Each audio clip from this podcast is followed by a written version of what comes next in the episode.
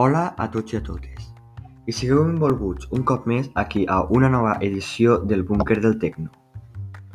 Avui aquí parlarem sobre la música electrònica.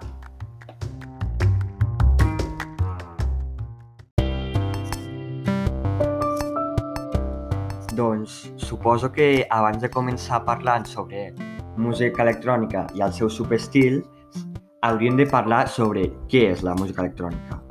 La definició de música electrònica és que la música electrònica és un gènere musical com ho seria el reggaeton, el latín, el rock, la música clàssica, l'òpera i molts altres.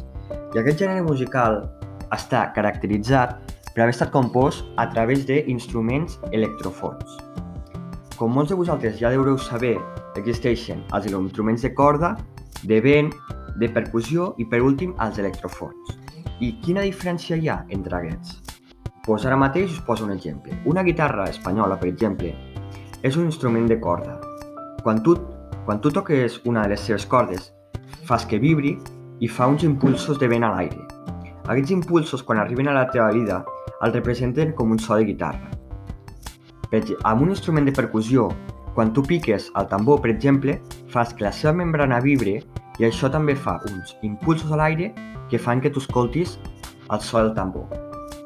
Però amb els instruments electrofons, com per exemple seria un sintetitzador o piano elèctric, no és exactament així. Perquè tu, al tocar la tecla, no fas vibrar res, sinó que és, quan tu toques una tecla, per exemple, al do d'un piano elèctric, fas que el piano solta una sèrie d'impulsos electromagnètics que a arribar amb una alta veu el representen d'una determinada forma fent un so i una freqüència ex exacta.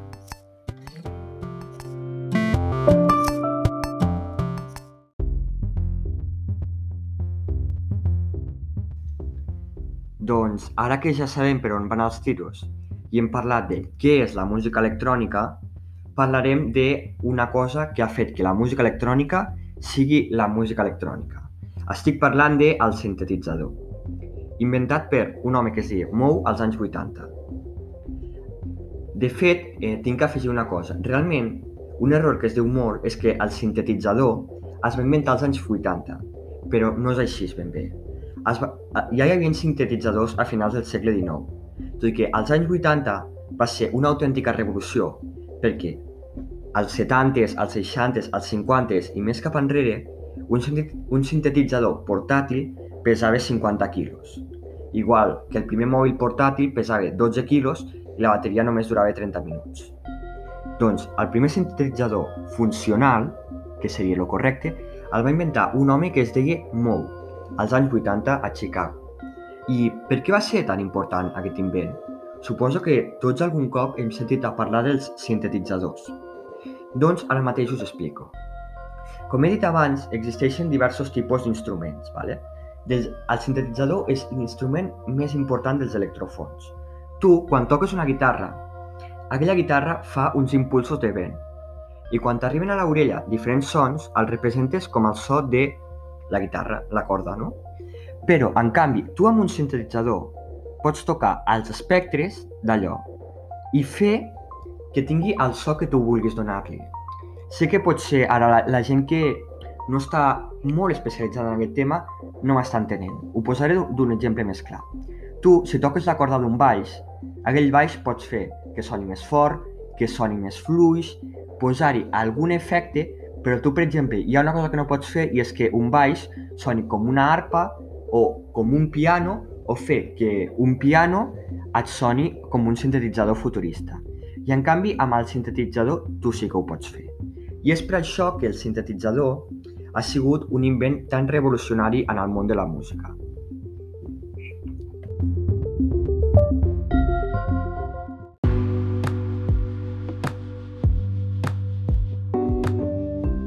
Doncs ara que ja hem acabat de fer una miqueta la introducció d'aquest instrument tan peculiar que es diu sintetitzador, Parlarem de com ha afectat en aquests últims anys els avenços tecnològics en el món de la música en general i la producció musical, més enllà de la música electrònica. Segur que tots, algun cop, a part del sintetitzador, també haureu sentit parlar del famós efecte autotune. Però què és això exactament? L'autotune és una eina de producció musical que va ser inventada al 1998 per, per un enginyer. Fins abans, si tu volies que una veu sonés més aguda, tenies que fer-la passar més ràpid. I si volies que sonés més greu, tenies que fer-la passar més lent.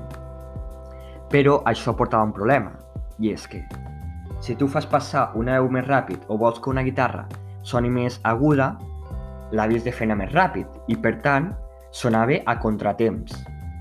Però amb l'autotune tu podies fer pujar la freqüència d'una veu de qualse o qualsevol altre instrument sense necessitat de fer-lo anar més ràpid o més lent. I això va ser una autèntica revolució.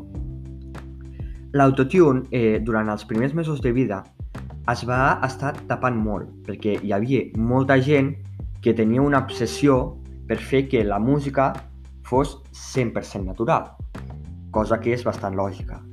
Però no va ser fins eh, un videoclip que va treure la cantant Cher, que es deia Believe, en aquest eh, sortia amb una veu robòtica.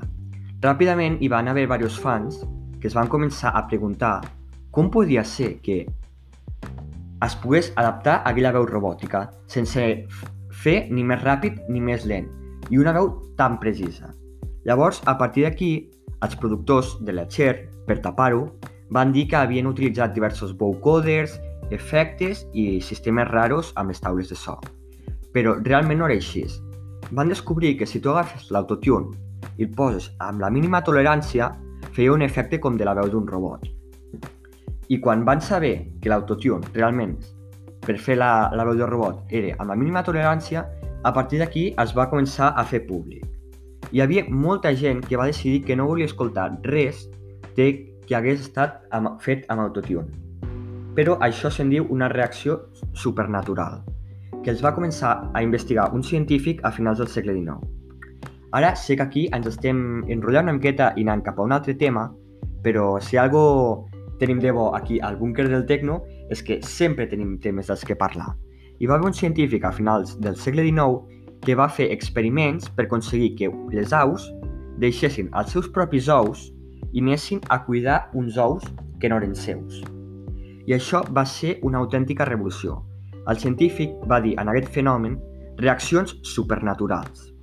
I és que realment l'única cosa que diferencia un so i un soroll és que un so segueix unes determinades fórmules matemàtiques en els seus aspectes que fa que tot sigui agradable i en canvi un soroll no segueix aquestes determinades fórmules. I és per això que dir que estàs en contra de l'autotune és com dir que estàs en contra de la ramaderia i l'agricultura. Ho sento, però arribes 5.000 anys tard.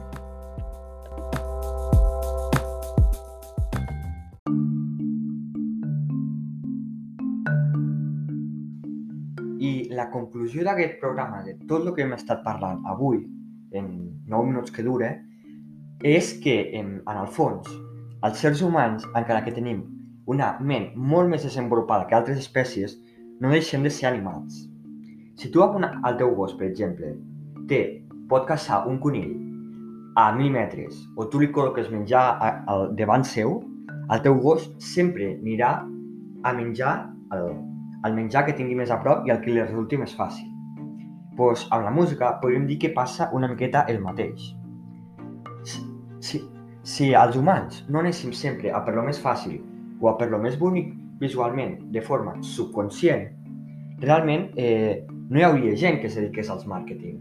Perquè, com ja sabeu molts, per exemple, amb els anuncis de colònies o amb els anuncis de roba, eh, a les fotos se les retoquen molt per fer que les persones semblen més boniques, tinguin la pell més blanca o més fosca. I, i el mateix es fa amb la música. La música també es maquilla. I per últim, volia dir que la música cada cop està fent més avanços que permeten que les veus sonin més sobrenaturals. Per exemple, un clar avenç d'aquests és el micròfon.